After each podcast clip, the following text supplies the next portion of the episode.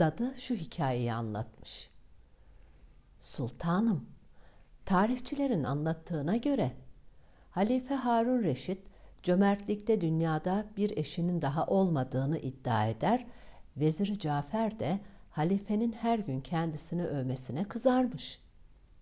Bir gün Vezir Cafer, Sultanım, ben kulunuzun sizden bir ricam vardır ki, sizin kendi kendinizi övmeniz size yakışmaz. Bırakın sizi başkaları övsün. Ki zaten bir kısmı bu topraklarda doğup büyüyen, bir kısmı da başka yerde yaşıyorken buraya gelip yerleşen, adaletinize, cömertliğinize inanan, ticaretle uğraşan halkınız her gün size dualar etmekte ve övmektedir. Haklı olarak siz de bu durumdan gururlanırsınız. Halife vezirin sözlerine şaşıp kızarak "Bre vezir, sen ne dersin? Benim bir eşim daha var mıdır ki böyle konuşursun?" Sultanım, Basra'da cömertli, cömert, adaletli, faziletli ve ihsanı bol Ebu Hasan adında biri yaşar. Ey vezir! Huzurumda yalan söyleyene neler olacağını bilmez misin? diye hiddetle vezire çıkışır halife. Sultanım, bugüne kadar huzurunuzda hiç yalan söylemedim. Daha önce Basra'ya gittiğimde Ebu Hasan'ın konuğu olmuştum. Bizzat kendim şahit oldum, gözlerimle gördüm. Vezire çok kızan halife baş muhafızı çağırarak veziri tutuklamasını söylemiş. Küplere binen halife hareme eşi Zübeyde'yi görmeye gitmiş. Zübeyde halifenin kızgın olduğunu görünce neden kızgın olduğunu sormuş. Halife de veziri Cafer'e kızdığını söyleyip aralarında geçen konuşmayı anlatmış. Sultanım, kızgınlığınızı bir müddet içinizde saklasanız, oraya da güvendiğiniz adamlarınızdan birini gönderip doğruları öğrenseniz, eğer vezirin söyledikleri yalansa cezasını verirsiniz. Yok, söyledikleri doğruysa onu affedersiniz. Zübeyde'nin bu mantıklı ve akılcı sözleri halifenin kızgınlığını yatıştırmış. Hmm. Zübeyde doğru söylüyor. Oraya en güvendiğim adamımı göndersem, eğer gönderdiğim adam vezirin düşmanıysa veya onu seviyor, onun dostuysa her iki durumda da doğruları söylemeyebilir. En iyisi kendim gidip bizzat bu olayı göreceğim diye düşünmüş. Bir gece gizlice saraydan çıkıp Basra'nın yolunu tutmuş halife.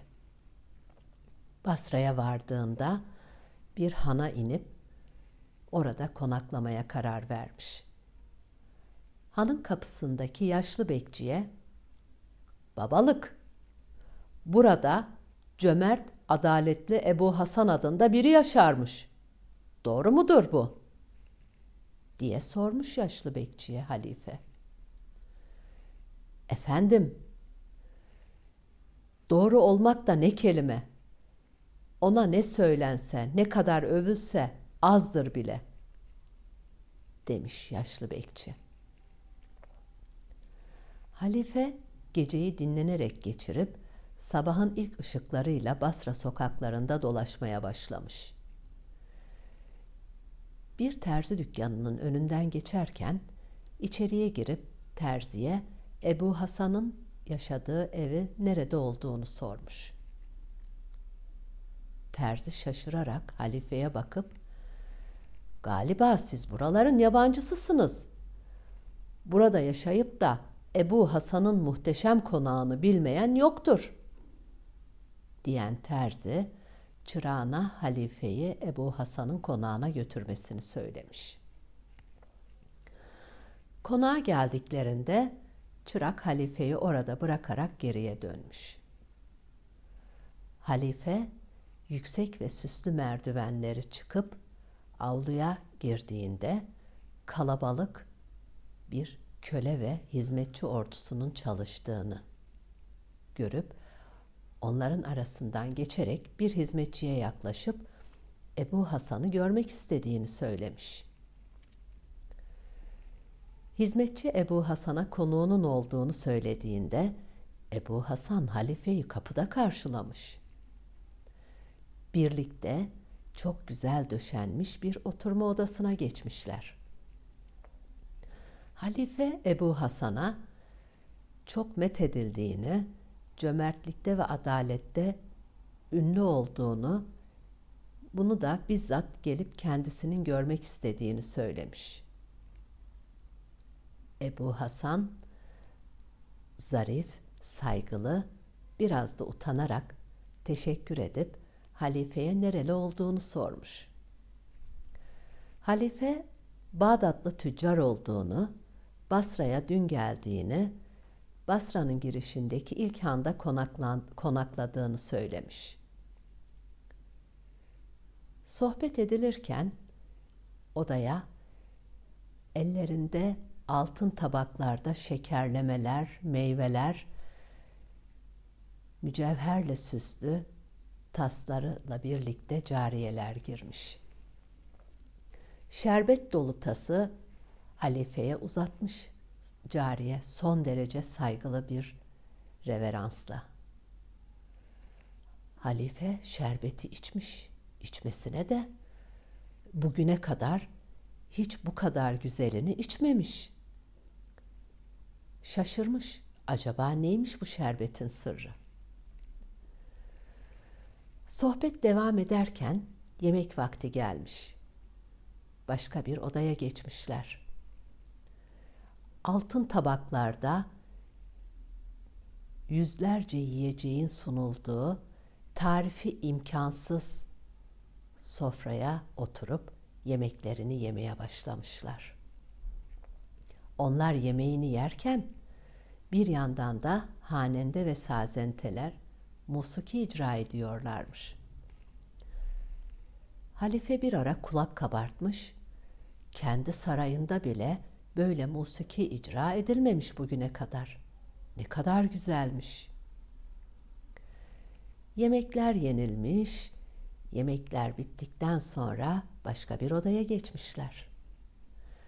Her geçtikleri oda bir öncekinden daha güzelmiş. Son derece gösterişli, zarif, muhteşem döşenmiş odalarmış bunlar.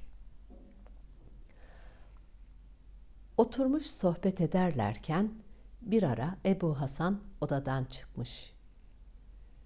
Odaya döndüğünde bir elinde sopa, diğer elinde gövdesi gümüşten, dalları ve yaprakları zümrütten yapılmış bir ağacın dalında ud ağacından yapılmış mücevherle süslü bir tavus kuşu kondurulmuş dala. Ağacı halifenin yanına bırakan Ebu Hasan sopayla hafifçe tavus kuşunun başına vurmuş. Tavus kuşu kanatlarını açıp kuyruğunu kaldırarak hızla dönüp içindeki kokuyu odaya yaymış. Oda misk kokusuyla kaplanmış. Halife öyle şaşkınmış ki gözlerini tavus kuşundan ve ağaçtan alamamış. Ebu Hasan ağacı alarak odadan çıkmış. Halife şaşırmış. Bu nasıl bir adam yahu? Beğendiğimi görünce hemen getirdiği ağacı odadan alıp çıkardı. Bu adamın cömertlik neresinde? diye düşünürken Hasan odaya geri dönmüş. Kısa bir süre sonra inci ve altınla süslü giysilerinin içerisinde güzel bir cariye elinde tek parça yakuttan bir tasla odaya girmiş. Halifeye saygılarını sunduktan sonra şerbet dolu tası halifeye uzatmış. Halife tastaki badeyi içmiş. Tası cariyeye geri verecekken tasın dolu olduğunu fark etmiş. Tekrar tastaki badeyi içmiş hem de bir damla kalmayana kadar. Ama cariyeye uzatırken tasın dolu olduğunu fark etmiş. Şaşkınlığını gizlemeyip bunun sırrının ne olduğunu Hasan'a sormuş. Hasan,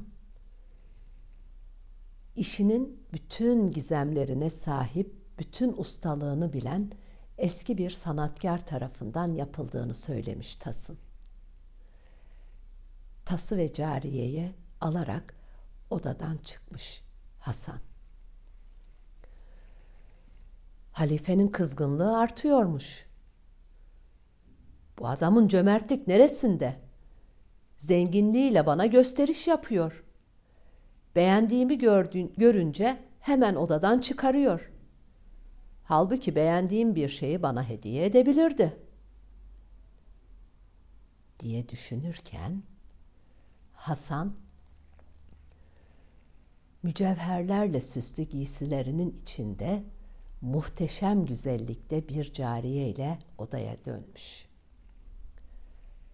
Cariye halifeye saygılarını sunduktan sonra halife cariyeyi yanına oturtmuş.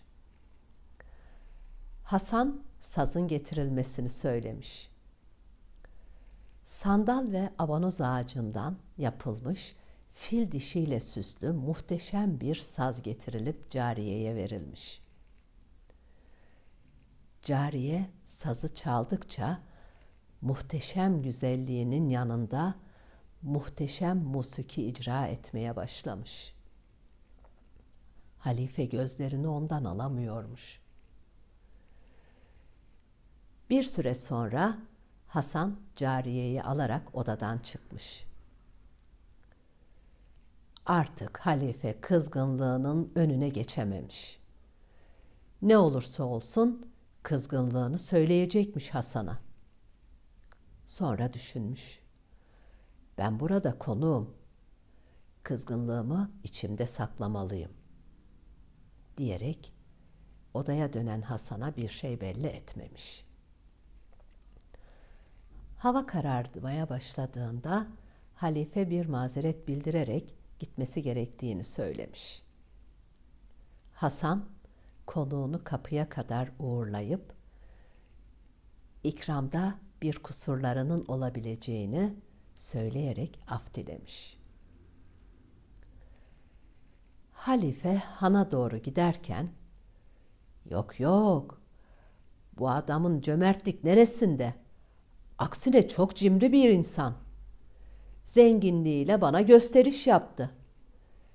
Geri döndüğümde Cafer cezalardan ceza beğen diye düşünerek hana varmış.''